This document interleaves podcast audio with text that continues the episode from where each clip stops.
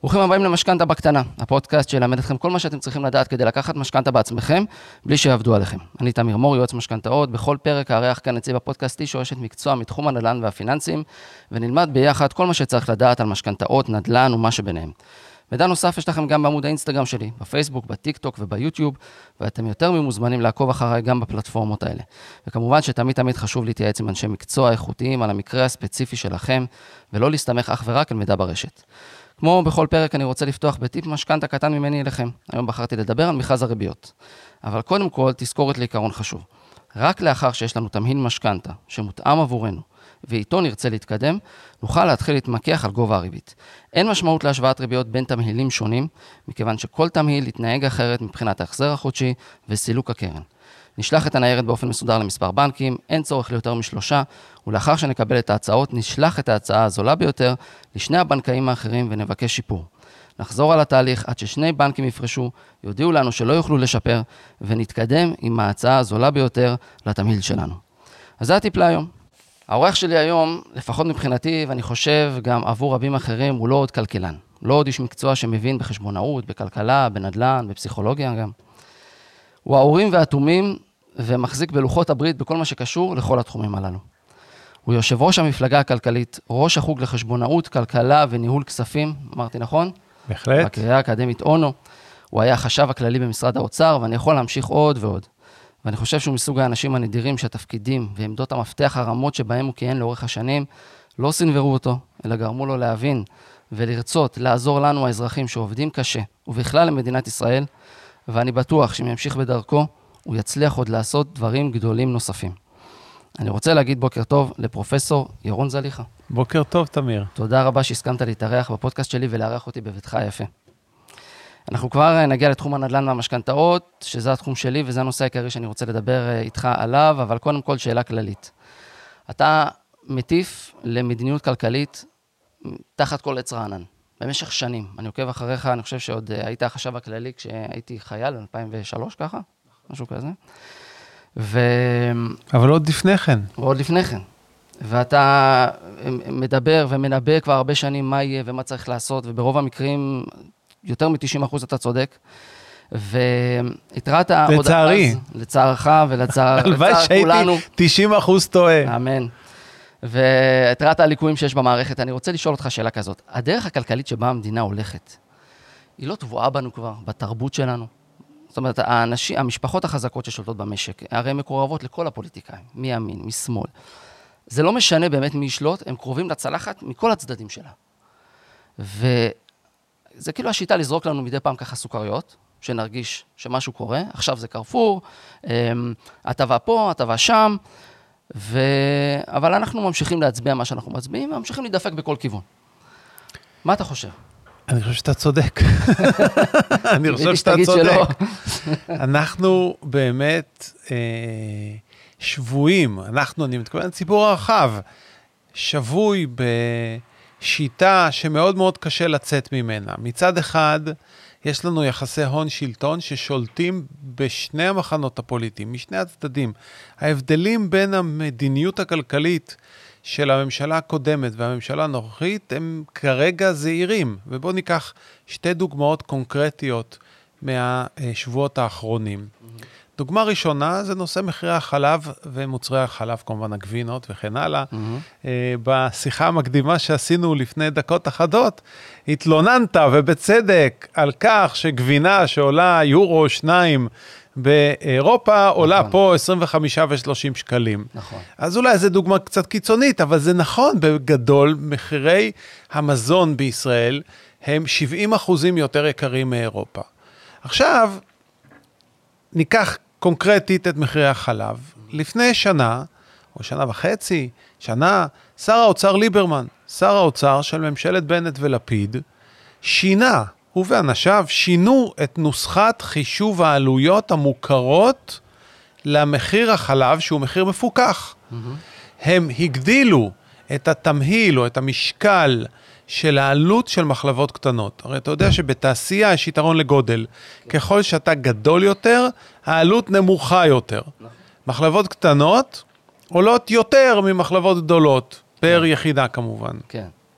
אז ברגע שאתה מגדיל את התמהיל, או את המשקל שאתה נותן לתמחור של עלויות קטנות, אתה מעלה את המחיר הממוצע של חלב מפוקח. עכשיו, שתי בעיות עם העניין הזה. בעיה ראשונה, תנובה שולטת ב-70% מהשוק.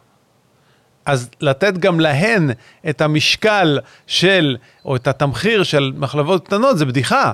אתה תהפוך אותן לעוד יותר רווחיות. כן. מה גם שתנובה גם כך עם רווחיות מופרזת. אז אתה אומר, הוא בא בעצם לתקן. הוא בא לקלקל. השאלה אם בכוונה שלו, בכוונה שלו, הייתה לו כוונה טובה רגע, רגע, שנייה, או שנייה. שבגלל חוסר ידע הוא עשה את זה, או אה. שיד רוחצת יד, כמו שאנחנו מכירים. תכף, נגיע לתשובה הזאת, אבל בוא נבין עד הסוף. והבעיה השנייה זה שאם אתה כל כך רוצה לעזור למחלבות קטנות, תעזור להם, תן להם כסף. למה אתה צריך לתת את זה לתנובה?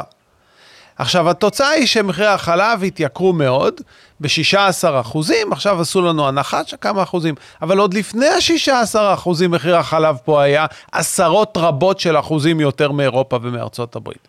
עכשיו, בסדר, אבל את זה עשה ליברמן בממשלה הקודמת, עכשיו נבחרה ממשלה חדשה. היא לא יומיים בשלטון. נכון. היא כבר חצי שנה מאז הבחירות, וארבעה חודשים. הם גם פוליטיקאים מנוסים, הם היו נכון, וגם היה להם תוכניות, ו- והיה להם תוכניות שהם הבטיחו לפני הבחירות. סמוטריץ' אמר שהוא רוצה להיות שר האוצר עוד לפני הבחירות. כן. זה לא נפל עליו כרעם ביום בהיר. הוא כן. רצה להיות שר האוצר. נכון, זאת אומרת, היה לו... לשם. היה לו את הידע ואת המידע לפחות, או את האנשים שהוא גיבש. אחרת מה, זה עולה בדעתך שמישהו, פוליטיקאי בכיר, הולך להיות שר אוצר בלי שיש לו שום רקע, שום תמיכה, שום ידע, שום יועצים מתאימים? לא.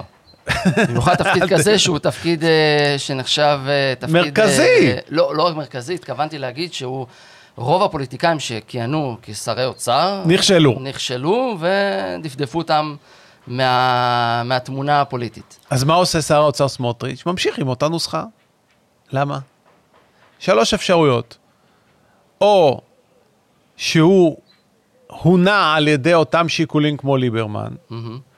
או שהוא באמת חסר כל הבנה, ידע, או זה גם אחרי חצי שנה, או, לא רוצה להגיד את האפשרות השלישית, תנחשו לבד. כן, אני הבנתי. הש... אבל אני חוזר לשאלה דוגמה. המקורית. השאלה... רגע, רגע, חכה, אני רוצה לתת לך עוד דוגמה כדי אוקיי. שנוכל לנתח את זה לא על בסיס דוגמה אחת בלבד. כן. לפני שנה הודיע היועץ המשפטי לממשלה, בתקופת הממשלה הקודמת, לבית המשפט העליון, שהוא ממליץ לעליון, במסגרת של סדרה של דיונים שהוא עשה במספר תביעות ייצוגיות נגד קוקה קולה ותנובה, על מחירים מופרזים שהם לקחו. אני פותח סוגריים, בישראל אימצנו את החוק האירופי, מזה עידן ועידנים. תרגמנו את החוק האירופי מילה במילה ואימצנו אותו. חוק שאומר, אם אתה מונופול, אסור לך לגבות מחיר שמגלם רווח בלתי סביר. אסור לך לקחת את הכוח המונופוליסטי שלך בשביל לעשוק את הציבור. מותר לך להרוויח. מותר לך להרוויח תשואה שהולמת גם את הסיכון שהלכת, שלקחת. אפילו תשואה גדולה יותר מהתשואה שהיית מרוויח לו זה היה שוק תחרותי. כן. אבל לא מעל גבול מסוים שזה כבר עושק. ומי עכשיו- קובע מה הגבול ומה הוא בתי עושק? משפט באירופה המשפט. קבעו וקבעו סטנדרטים, ורשויות התחרות אכפו אותן זאת אומרת, וכן הלאה וכן זה לא הלאה. משהו אה, אמורפי כמו האדם הסביר. לא, לא, זאת אומרת, ממש לא. יש נוסחאות מדויקות. תשואה על ההון הפעיל שהושקע בהיקף- בשיעור של בין 6 לתריסר אחוזים, תלוי ברמת הסיכון בענף. יש נוסחאות מאוד מסודרות. אפשר להתווכח, אבל הוויכוח הוא ב- בפיפסים על רמות הסיכון. פה אתה הרבה מעל ומעבר למה שפי שתיים, חצי מזה היה נחשב לא חוקי באירופה. אבל החוק לא נאכף בישראל, ואנשים כמוני וחברים שלי פנו לבית המשפט, לבתי המשפט בתביעות ייצוגיות. במשך שבע שנים בתי המשפט מורחים אותנו. שבע שנים הם מנהלים את התביעות האלה ומקשים עלינו, לא נותנים נתונים, קובעים דיונים אחרי שנתיים, חבל לך על הזמן.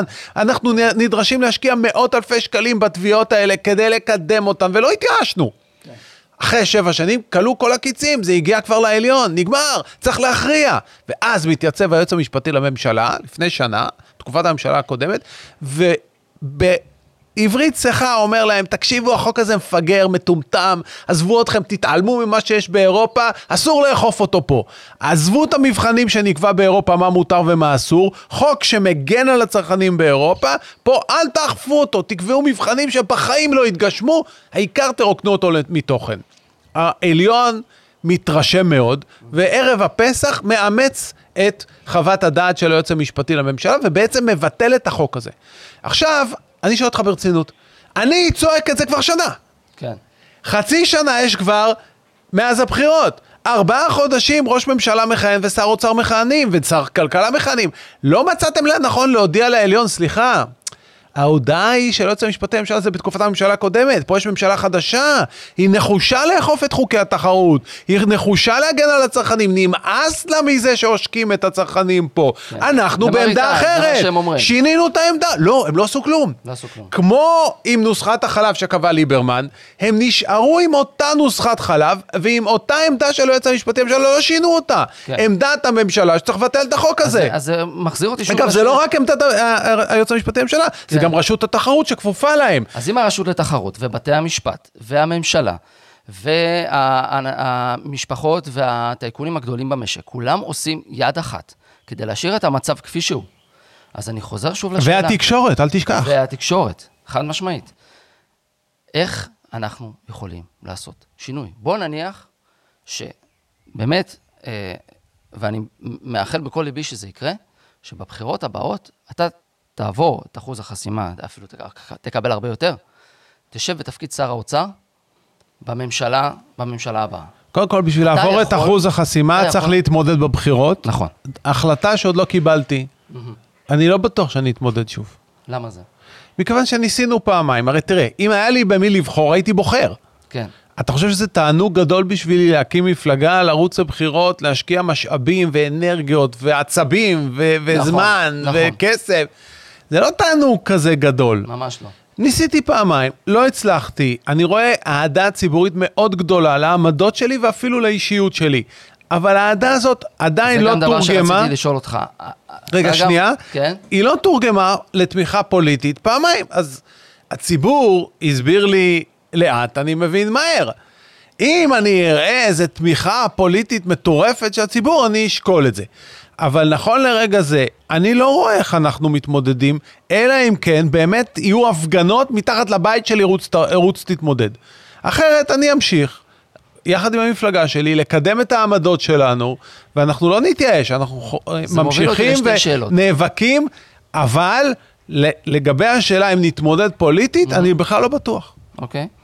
זה בעיקר תלוי בך, בך, בחברים שלך, במאזינים שלך, בצעירים כמוכם. אני ואחי הצבענו לך, דרך אגב. תודה. והתאכזבנו שזה לא, לא קרה. ולמה ישראלים, אתה חושב? בסופו, יש תמיכה גדולה.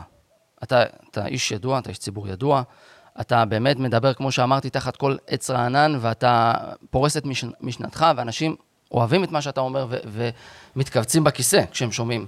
אבל הם מתווכחים איתי. הם אומרים לי... אבל בסוף הולכים בקלפי ומצביעים, כן ערבים, לא ערבים, ימין, שמאל, ביטחוני. או שאומרים גביר, לך... למה? או שהם אומרים לך, תצטרף למפלגה גדולה, איזה שאתה רוצה ונצביע לה. ו- ולמה באמת לא? כי אני לא אוכל לעבוד. אם לא יהיה לי כוח פוליטי עצמאי, mm-hmm. של חברי כנסת שתומכים ומה בי... ומה שגם עשה כחלון עם, כול, עם uh, כולנו, נכון? נכון, מה שעשה כחלון עם כולנו. כן. אז אם לא יהיה לי חברי כנסת שתומכים בעמדתי ואני יכול לסמוך עליהם, כי אני בחרתי אותם ואני הבאתי אותם, אז אני לא אוכל לעבוד, אני אהיה שם לבד. אתה צריך להיות שותף לממשלה ולא להיות... אה, אני צריך להיות שותף ה... מרכזי שיוכל להפיל את הממשלה אם צריך. Mm-hmm. אם לא יהיה לי את הכוח להפיל, לא יהיה לי את הכוח לבנות. הבנתי. עכשיו, למה הדבר דומה? אתה יודע, הייתי בבית קפה, ניגשה אליי סגנית מנהל בית ספר. ואומרת לי, תשמע, ירון, אני מעריצה אותך, אני תומכת בך, אני רוצה, רוצה שתצליח, אתה חייב להצטרף למפלגה גדולה. אמרתי לה, בשביל מה? אמרת לי, כדי שתהיה שר האוצר ותציל אותנו. אמרתי לה, למה, את חולה? אמרת לי, כן, כל המשק הזה חולה, אתה, אתה יודע את זה. אמרתי, אז תקשיבי בסבלנות לעצמך. את הולכת לרופא שאת חושבת שהוא היחיד שיכול להציל אותך, ועכשיו את אומרת לו, אני אהיה מוכנה להצביע לך? רק אם אתה תעבור, תעבור מקופת חולים מכבי למאוחדת. את רוצה ללכת למאוחדת? לכי את למאוחדת, מה את רוצה ממני? אני לא יכול להצליח, גדול עליי, לא יודע לעשות את העבודה, אלא אם כן יהיה לי כוח פוליטי עצמאי. לא יודע. עכשיו, אם את, יש לך מישהו אחר שיודע לעשות את זה במפלגה גדולה, תצביעו לו, תצביעי לו ותחסכי ממני את העוגמת נפש של לרוץ, להפסיד, לרוץ, להפסיד. חבר'ה, נכון. אתם צריכים. לבחור, מה עדיף לכם? מה אתם מעדיפים? אתם מעדיפים ללכת על בטוח במפלגה גדולה שתעבור את אחוז החסימה ותמכור אתכם, או אתם רוצים להסתכן יחד איתי. אתה יודע שהמקום הכי בטוח במדינת ישראל זה בית הקברות בחולון. אז תמשיכו להצביע למפלגות גדולות ובטוח שהם יעברו, ובטוח שימשיכו למכור אתכם. בוא נדבר רגע על שוק הנדל"ן. השאלה הגדולה, שאני אשאל אותך, כללית מאוד, למה המחירים בישראל כל כך גבוהים, זו שאלה שאני יכולתי גם לשאול לפני עשר שנים. אבל לא בכל יכולת לשאול לפני רלוונטית. 15. לא יכולת לשאול לפני 15. נכון. איך זה יכול בכל להיות? נקודה אנחנו חושבים שכאילו אין יותר לאן לעלות, ובכל זאת, אנחנו מב- מבינים שהתקרה, עוד לא הגענו לתקרה. למה זה קורה? או, מה בדיוק הבעיה? אתה יודע שבכל שוק, ודיור זה אחד השווקים הגדולים, המחירים נקבעים על פי היצע וביקוש. עכשיו, תאר לעצמך שאתה הולך לחנות לקנות חולצה. יש איקס חנויות שמוכרות חולצות, ואתה מזמין ביקוש לחולצה, אבל יחד איתך באים עוד אנשים שקונים חולצות. עכשיו, כשאתה נכנס לחנות, פתאום אתה מגלה שלצד אנשים חיים שקונים חולצות, באות רוחות רפאים וגם הן מזמינות חולצות. פתאום מביקוש הרבה יותר גדול. מה שקורה אצלנו זה רוחות רפאים קונים דירות גם. למה אני מתכוון? בחמש שנים שלי באוצר, ותכף נבין למה זה קרה דווקא אצלי, רק זוגות צעירים קנו דירות. רק זוגות צעירים קנו דירות. אף אחד לא קנה דירה חוץ מזוג צעיר. ואז 40, 50 אלף זוגות צעירים באים לקבלנים שבונים 50, 60 אלף דירות, ואתה יודע מה קורה ל-50 אלף דירות כשרק 40 אלף צעירים רודפות, רודפים אחריהם? יורד? מחירים מחירים יורדים. יורדים. אז אצלי מחירי הדיור ירדו בחמש שנים מ-96 משכורות ל-80. אבל ב-15 השנים האחרונות, לצד הזוגות הצעירים, באים זוגות צעירים שעוד לא נולדו. עוד לא נולדו. באים ההורים של ילדים בני חמש, באים סבים וסבתות של נכדים שעוד לא נולדו, ואומרים, חבר'ה, יש לי ציפיות לעליות מחירי דיור. אני פוחד שהילדים שלי, כשיהיו, יגדלו מגיל 5 לגיל 25 או 30, המחירים כבר ישתוללו ואני לא אוכל לעזור להם, בוא נקנה היום דירה. ובאים סבים וסבתות של נכדים שעוד לא נולדו, ואומרים, אני רוצה להשאיר משהו לנכדים שלי, אני יודע שהילדים שלי מתפרנסים מאוד בקושי, אי אפשר יהיה, הם לא יוכלו לעזור לילדים שלהם, בקושי הם עצמם קנו דירה. בוא עכשיו הם נחסוך... מקדימים את הקטסטרופה. בראבו, הם מקדימים ביקושים, ואז 50 אלף זוגות צעירים מוצאים את עצמם עם עוד 100 אלף סבים וסבתות והורים לילדים שעוד לא נולדו, שקונים גם הם דירה כדי להגן על עצמם. עכשיו, הקבלנים יכולים להגדיל, במקום 50 אלף דירות יבנו 60, יבנו 70. הם לא יכולים לבנות 150. נכון. מצד שני, גם לא צריך 150. לא צריך. מספיק 50, מספיק 55, לא צריך יותר. והגבלות של מס רכישה. 8% רגע, חכה, למשקיעים. אתה בורח עכשיו למקום אחר. אוקיי. עכשיו, אם הבנו שהבעיה המרכזית זה הציפיות לעליית מחירי דיור, שמניעים הורים וסבים וסבתות של ילדים שעוד לא נולדו, אם הבנו שזו הבעיה, בוא נמצא את המהלכים שישכנעו אותם להשקיע את כספם במקום אחר. ואז, אם נצליח לעשות את זה, ואני לא אומר אם, כי אני הצלחתי לעשות את זה. ב-2003 מחירי הדיור השלימו עלייה ל-96 משכורות. הם לא היו, אני לא קיבלתי מצב של 80 משכורות, קיבלתי מצב של עלייה עד ל-96. שוב היה שם ציפיות לעליות מחירים, והיינו צריכים לשבור אותם. בסוף מדיניות כלכלית זה ציפיות. אם אתה לא מבין את זה, אתה לא יכול לנהל מדיניות כלכלית. אם אתה לא מבין מה מניע ציפיות ואיזה כלים יכולים להשפיע על הציפיות, אתה כאילו נוהג באוטו עם הידיים קשורות ועיניים עצומות. ובלי ווייז. אז מילת המפתח הצע- פה מה זה הצעדים הציפיות. האלה? מה הצעדים האלה שצריך לעשות כדי לגרום אך ורק לזוגות צעירים לקנות? כי אנחנו או. רואים שאת המשקיעים די מסנדלים. 8% מס רכישה, אה, אחוזי מימון נמוכים בבנקים, שאם הם לא הולכים לדרגה שנייה בגופים חוץ-בנקאיים, אז זה, זה הופך להיות כבר מטורף, ריביות מטורפות לחלוטין, שמעקר מרוב העסקאות את הכדאיות הכלכלית. אבל הוא מעקר לא למי? מספיק? זה לא, מספיק? זה לא מספיק, כי זה בכלל לא בכיוון, אתה מעניש את האדם הלא נכון. מה אתה מעניש? את הצעירים שעוד אין להם דירה? לא, אתה, אני אומר, אתה מעניש את, ה, את המשקיעים.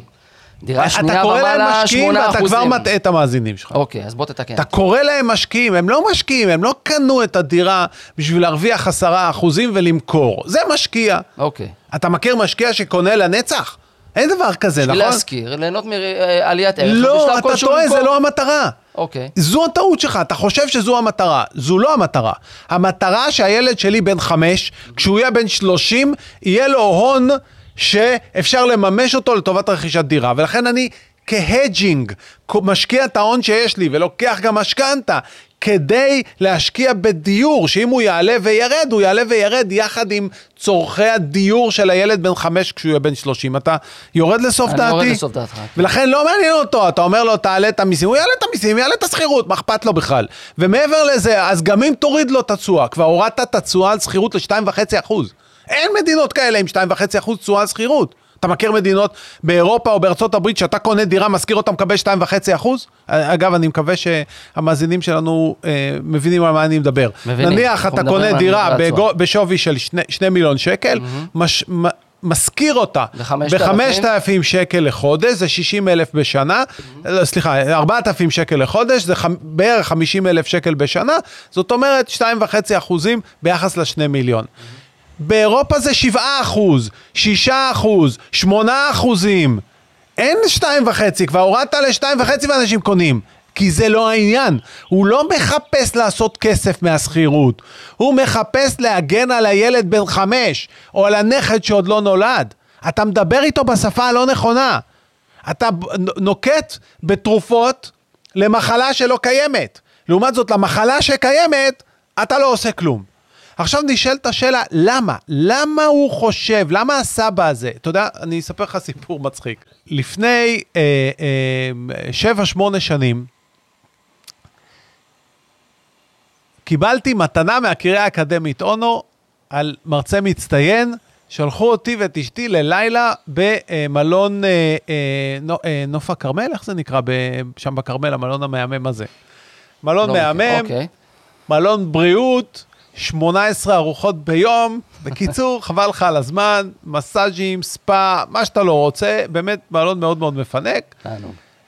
הלכנו לשם, נהנינו, יושבים בארוחת צהריים, ניגשים אליי זוג קשישים. אומרים לי, סליחה, פרופסור זליכה, אפשר להצטרף אליך לשולחן, יש לנו שאלות. אמרתי, מצד אחד, כאילו, הלו, אני אוכל צהריים, רדו ממני. מצד שני, הם נורא נורא מבוגרים, לא היה לי נעים להגיד להם אה, זה. אמרתי, טוב, בסדר, תשבו. מה הבעיה? מה אתם רוצים לשאול?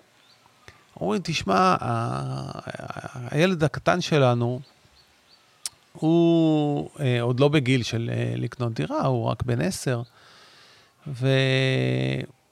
ואנחנו פוחדים שכשהוא יהיה מבוגר, הוא לא יוכל לקנות דירה, בדיוק מה שאמרנו. ולכן אה, אה, קנינו, לאחותו כבר קנינו, היא קצת יותר גדולה, ועכשיו אנחנו רוצים גם לקנות לו. עכשיו אני מסתכל עליהם, אני אומר, סליחה, הם מעל 80. מה זה הילד בן 10? אני כן, אומר לא לגבר. סליחה, אתם יושבים לי פה בצהריים, שואלים אותי לא באמצע אפשרי ארוחת ביולוגית. צהריים עם אשתי, אז אני חייב לשאול אותך שאלה אישית. אם אתה כבר היית מספיק חצוף להפריע לי בצהריים, אני לא, לא יכול להתאפק. הוא אומר לי, בבקשה, תשאל מה שאתה רוצה. אמרתי לו, סליחה, אשתך זה נס רפואי? כאילו, איזה גיל שאני לא אה, אתן אה, אומדן גיל, כאילו... אברהם ושרה כנראה. הוא אומר לי, לא, לא הבנת, זה לנכד. אנחנו פוחדים מהנכד. אנשים קונים כבר לנכדים. אנחנו, הגדלנו בצורה משמעותית לחלק מעם ישראל את מספר הדירות שהוא קונה פר, פר אדם. בעבר, אז הבעיה היא תרבותית. היא לא חלק תרבותית. ממנה, חלק זאת ממנה. אומרת, היא תרבותית, היא תרבותית במובן הזה, אם אתה בוחר פוליטיקאים כאלה רקובים, שמוכרים אותך כבר 15 שנה, לא, אבל גם הבעיה אז היא התרבות תרבותית, היא שכל אצלך. זוג רוצה לקנות גם לילדים וגם לנכדים. אבל זה למה? זה הנאה כלכלית. משהו גרם להם. הציפיות שיעלו המחירים גרמו כן, להם. כן. ושוב אני חוזר לסקוואר 1. הבעיה היא הציפיות. זו הבעיה. כל תרופה שלא משפיעה על הציפיות, לא רלוונטית בכלל. לא רלוונטית. ואני אומר לך שב-15 השנים האחרונות, מה ש... אה, מה שננקט לא רלוונטי. מע"מ אפס, לא מע"מ אפס, מעלים את המס רכישה, מורידים את המס רכישה, מגדילים את היצע הדיור, מקטינים את היצע הדיור, לא רלוונטי, זה לא עובד. מה כן רלוונטי? או. בוא נחזור לבייסיק. בוא נחזור לבייסיק. מה משפיע על עליית מחירים של נכס? אומדן של תשואות אלטרנטיביות. אם אתה רואה שהן, שהתשואות האלטרנטיביות לנכס הן יותר מדי נמוכות, אתה אומר, משקיעים אחרים יעברו מנכסים אלטרנטיביים לנכס הזה. למשל, בעיתות מצוקה, אנשים בורחים לזהב. למה? למה? כי אומרים, יכולים התשואות... להחזיק אותו. יכולים להחזיק אותו, וזה ישמור על ערכו. נכון. לעומת זאת, תשואות אחרות נהיות מסוכנות מדי. אם המשק עם תשואה מסוכנת מדי ונמוכה מדי, אז הציפייה זה שאנשים ישקיעו את כספם בדיור, כי לפחות זה שומר על ערכו. איך עליית ואז- הריבית תשפיע על זה? זה גם מעלה. תשואות אלטרנטיביות ומקטין ביקוש ל- אתה מתקרב.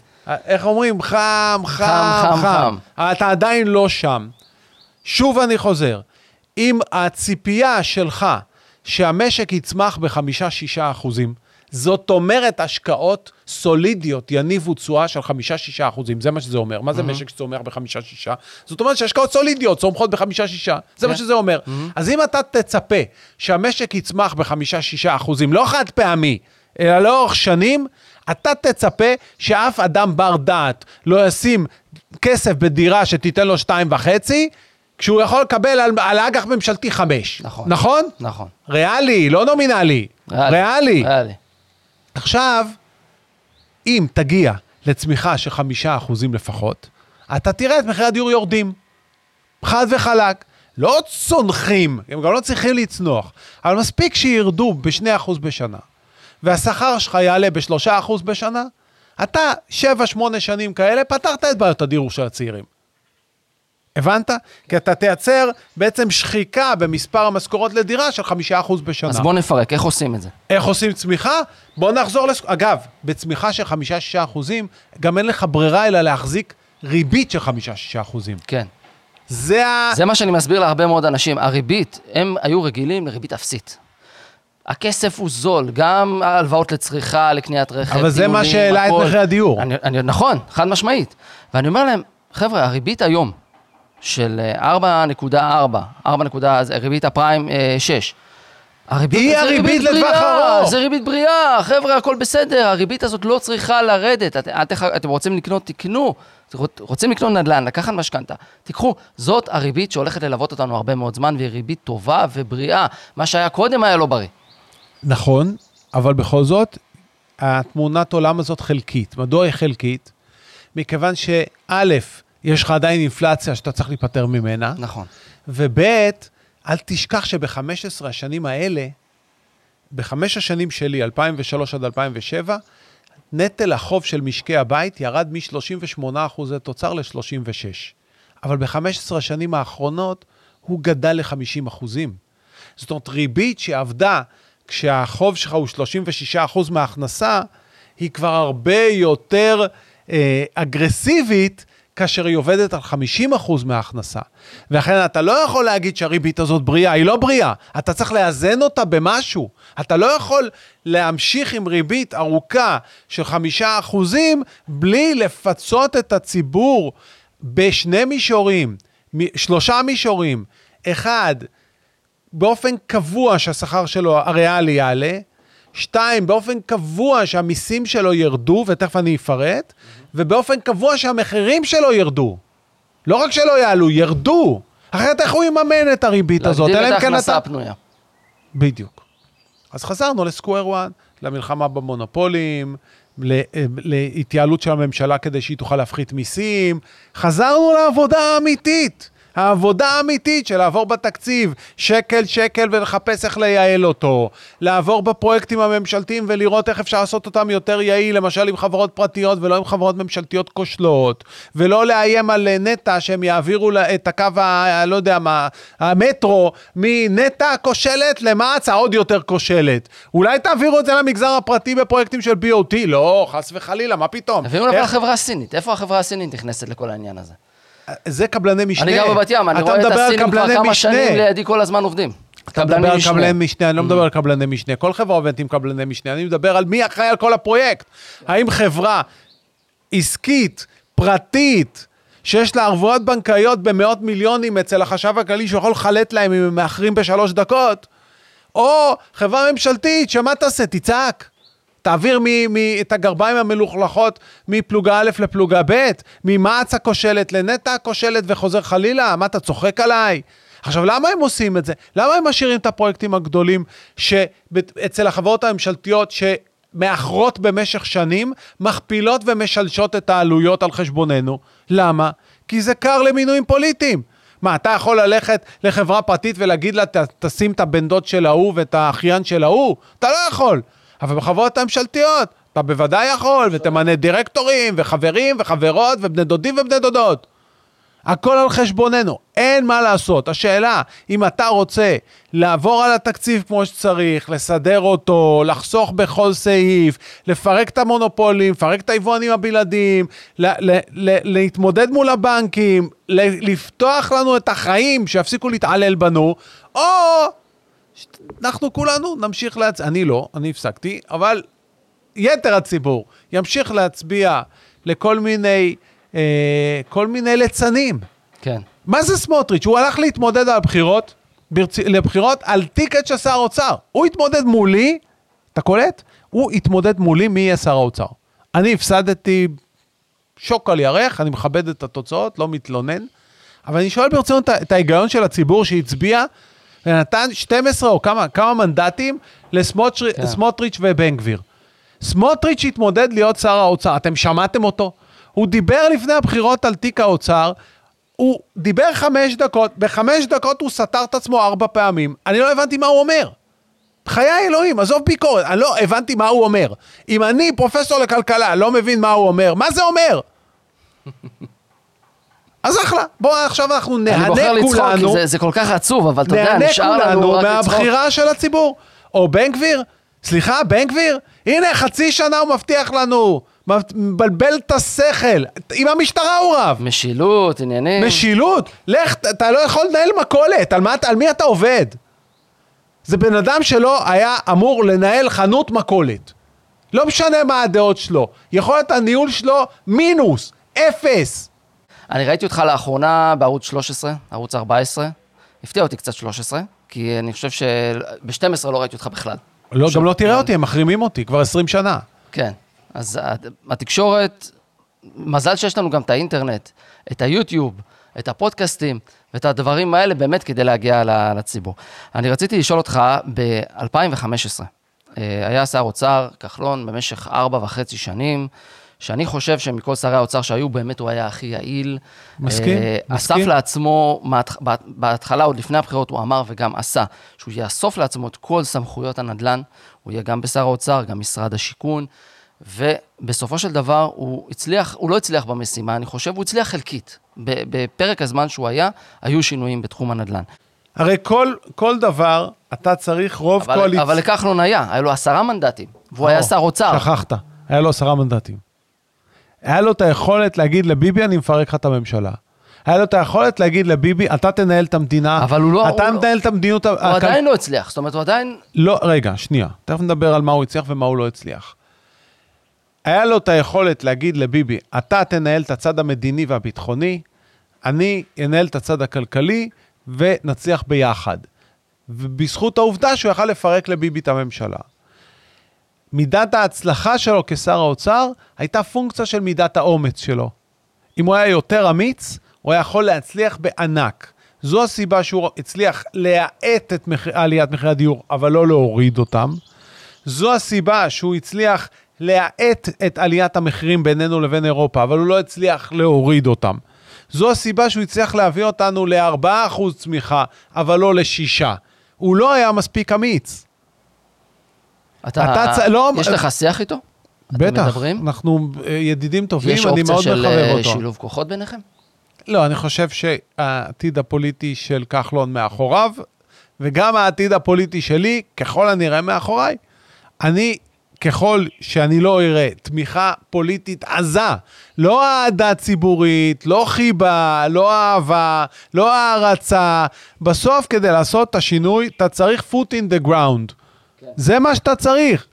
אחרת גם אני הייתי כמוכם, בוא תגיד לי למי להצביע, נצביע ושהוא ימרח אותנו. אנחנו חייבים כוח פוליטי עצמאי. אם אני לא אראה תמיכה כזאת, לא נתמודד. אני רואה הרבה לקוחות שלי שמגיעים לעשות איחוד הלוואות. אתה יודע, בשנים האחרונות לקחו הרבה, הרבה, הרבה הלוואות, רובם על בסיס פריים. קל מאוד, בוא, אירוע לילד, תיסע לחו"ל, להחליף רכב. נורא אה, ואיום, נורא ואיום. נורא ואיום. והפרסומות, אני, אני שומע את הפרסומות ב, ב, ברדיו, אס.אם.אסים, בקליק. אה, הייתה איזו פרסומת של ישראכרט שהורידו אותה מאוד מהר עם יובל סמו, שהוא עובר כאילו מאולפן לאולפן, מחופשה לרכב, לאירוע, לזה, טה-טה-טה, כל דבר, קחו הלוואה, קחו הלוואה. זאת אומרת, הורידו את הפרסומת הזאת מאוד מהר, כי הייתה כבר מאוד מאוד מאוד בפנים של בואו קחו, כל דבר הלוואה פותרת. והרבה אתה אנשים... יודע למה, דרך אגב? כי אין פראייר יותר גדול מהצרכן הישראלי.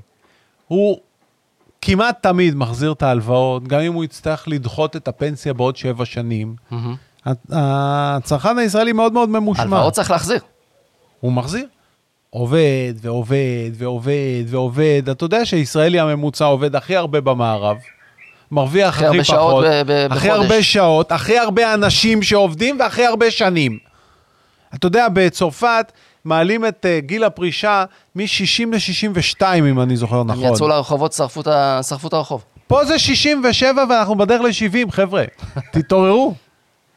ישראלים לא יודעים לעשות חרם צרכני, הם לא יודעים לצאת לרחובות על הדברים החשובים. הם לא לדעתי, צריכים לעשות חרם צרכני, הם לא צריכים... לה... בוא, תבין רגע משהו. למה חרדים רגע, יכולים לעשות שנייה. חרם נגד מאפיית אנג'ל, עוד פעם אתה הולך לכיוון הלא לא... נכון. אוקיי, תחזיר אותי. בוא תבין דבר אחד, במדינה דמוקרטית, אתה לא אמור לעבוד ארבע שנים. שר האוצר אמור לעבוד בשבילך ארבע שנים.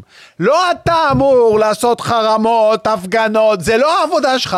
אתה בא, העבודה שלך זה עשר דקות בקלפי פעם בארבע שנים, זהו. עכשיו ארבע שנים אמור שר האוצר לעבוד, לא אתה. אתם התבלבלתם לגמרי. אז אני אומר, אנשים לוקחים הלוואות בקליק. למה אין יותר חינוך פיננסי בבתי הספר? או, ש- שני דברים חשובים. אנשים צריכים, ואנשים כמוך שנותנים שירותים כאלה, זה אה, מצרך מבוקש, הכרחי וחיוני. אנשים לא מבינים שהם צריכים. אם כבר הם נתקעו עם הלוואות, הם צריכים לבחור את ההלוואות היותר זולות, לא להמשיך. נתקלתי השבוע במקרה של גברת שיש לה הלוואה בריבית די גבוהה, בכל זאת הפריים עלה, וכנגד זה חלק נכבד מהכסף שיכול להחזיר את ההלוואה נמצא אצלה בפרי. נראה לך הגיוני? והבנק לא אומר כלום. לא בפרי בבנק אחר, באותו סניף. למי שלא מבין, פרי זה תוכנית אה, חיסכון, היא נושאת ריבית, אבל ריבית כלום. כלום, ושום כלום. דבר, ב- ובצד השני יוצא ממנה ריבית מאוד מאוד גבוהה. נכון.